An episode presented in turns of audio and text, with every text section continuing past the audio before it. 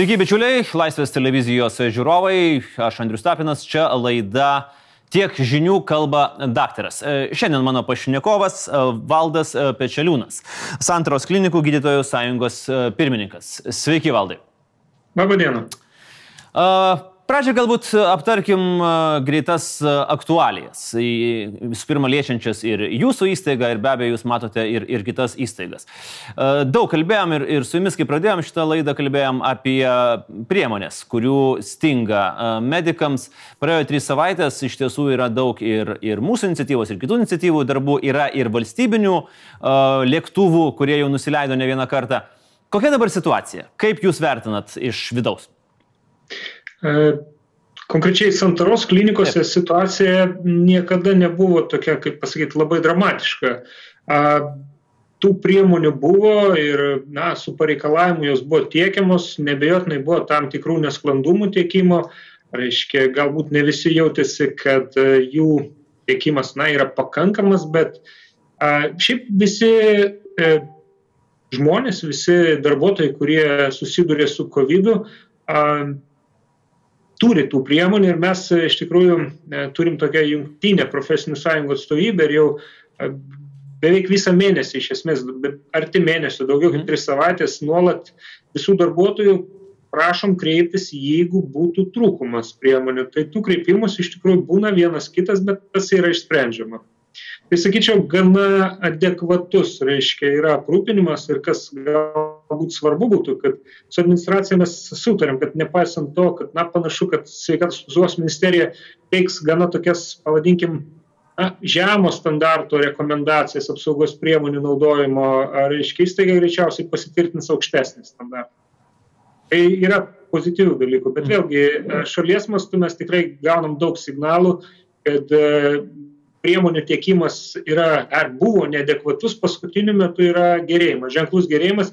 Kas labai svarbu labai didelė dalis tų priemonių yra gauta na ne iš sveikatos apsaugos ministerijos iš reiškia labdaros paramos būdu ir tai yra na tikrai labai reikšminga lietuvos gyventojų parama Taip, smagu pradėti nuo a, pozityvių naujienų mūsų, mūsų pokalbį iš tiesų. Ir mes turbūt jaučiam, kad situacija šiek tiek gerėja. Klausimas, aišku, kokia jį buvo pačioje, pačioje pradžioje, bendrai Lietuvos mastu. A, gydytojau, gerai, aptarkim kitą momentą. Esate minėjęs ir pats, kad šią savaitę a, galėjo būti užsikrėtimų pikas. A, ar stumsim dar šitą prognozę į priekį? Kaip galvojate?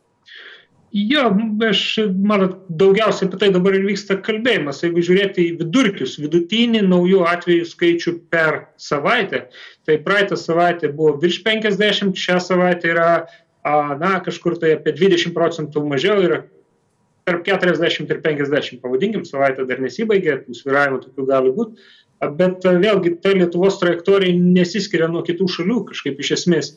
Pagal tai, kada buvo karantinas pradėtas ir kiek buvo atvejų, buvo galima tikėtis, kad apie dvi savaitės bus augimas, trečia savaitė plato, ir po to prasidės leidimas. Dabar dėl to leidimus iš tikrųjų kreivė skirtingose šalyse labai skirtinga. Yra ir reiškia kai kuriose šalyse matom užtrukusį plato reiškia nusistovi kažkoks naujų atvejų skaičius per dieną ir jis tęsiasi tęsiasi tęsiasi. Kitose šalyse kai matėm staigų kritimą ir tiesiog irgi tos interpretacijos šiuo metu yra gana vienareikšmės. Jeigu šaly buvo pritaikytas vadinamas lokautas tai yra griežtas karantinas judėjimo apribojimas elgesio normos uždaryti įvairūs renginiai. Tai tose šalyse situacija po dviejų savaičių būna pikas trečią savaitę plato ketvirtą jau leidžiasi arba net ir anksčiau.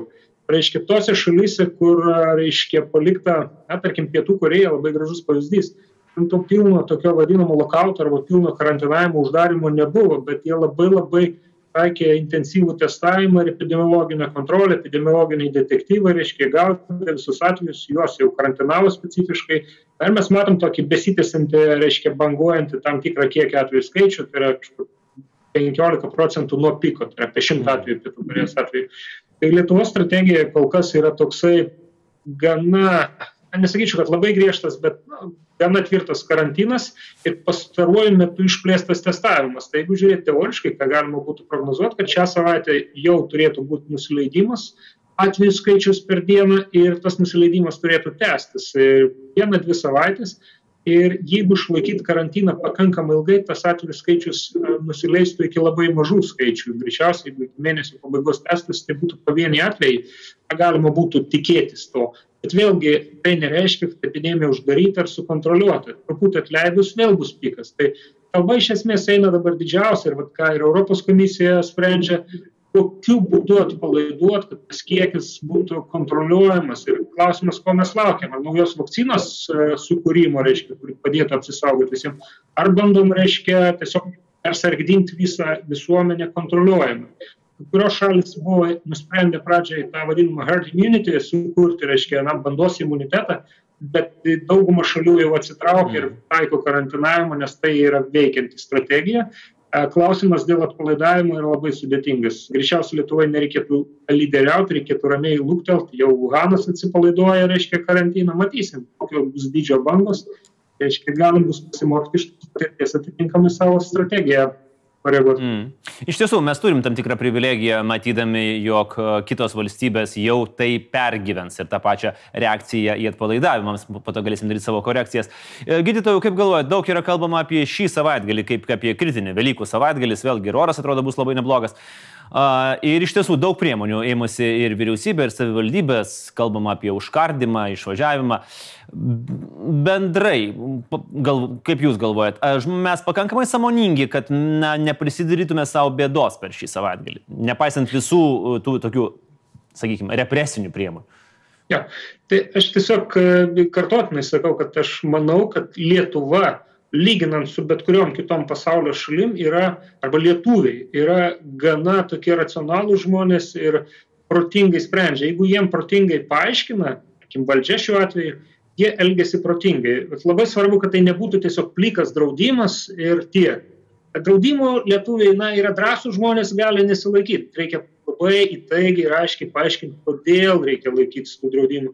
Tai mes saugom savo pažeidžiamą visuomenės dalį, savo tėvus, senelius, savo sergančių žmonės, kaip mes tą saugom, kokie yra, reiškia, perdavimai infekcijos. Tos informacijos yra, bet nėra tiek, na, reiškia, vienareikšmiškai ir pakankamai dažnai ir stipriai, masyviai pateikiama na, žmogus turi šiek tiek ieškoti, plus dar labai daug atsiranda visokio triukšmo vadinamo, ten visokių samokslo teorijų, tai tiesiog žmogui, kuris specifiškai nesidomi, greičiausiai labai vienareikšmiško įspūdžio nesusidaro, ką reikia daryti ir kodėl reikia daryti. Mm. Tai tą informacinę kompaniją iš tikrųjų reikėtų stiprinti ir kas yra labai gerai, kad mes, tarkim, iš Kinijos galime mokytis. Pačioje epidemijos pradžioje jie turėjo, reiškia, gana didelės tas nacionalinės šventas vadinamas, ir jie tuo metu elgėsi labai griežtai ir šitoje vietoje aš iš esmės palaikau tą tokią griežtas priemonės, bet ne vien priemonės, turim aiškinti, kad žmonės samoningai laikytųsi e, šitų nurodymų ir taisyklių, o ne tai, kad mes uždraudėm, nes drąsuolių Lietuvoje irgi pakankama, kurie norės tas taisyklės laukti. Mhm. Na ir paskutinis klausimas, e, gydytojų, šiandien e, Klaipėdos taryboje vyksta labai daug aistrų sukėlęs, e, sukėlus istoriją dėl Klaipėdos universitetinės ligoninės ir jos vadovo Vinco Janušonio.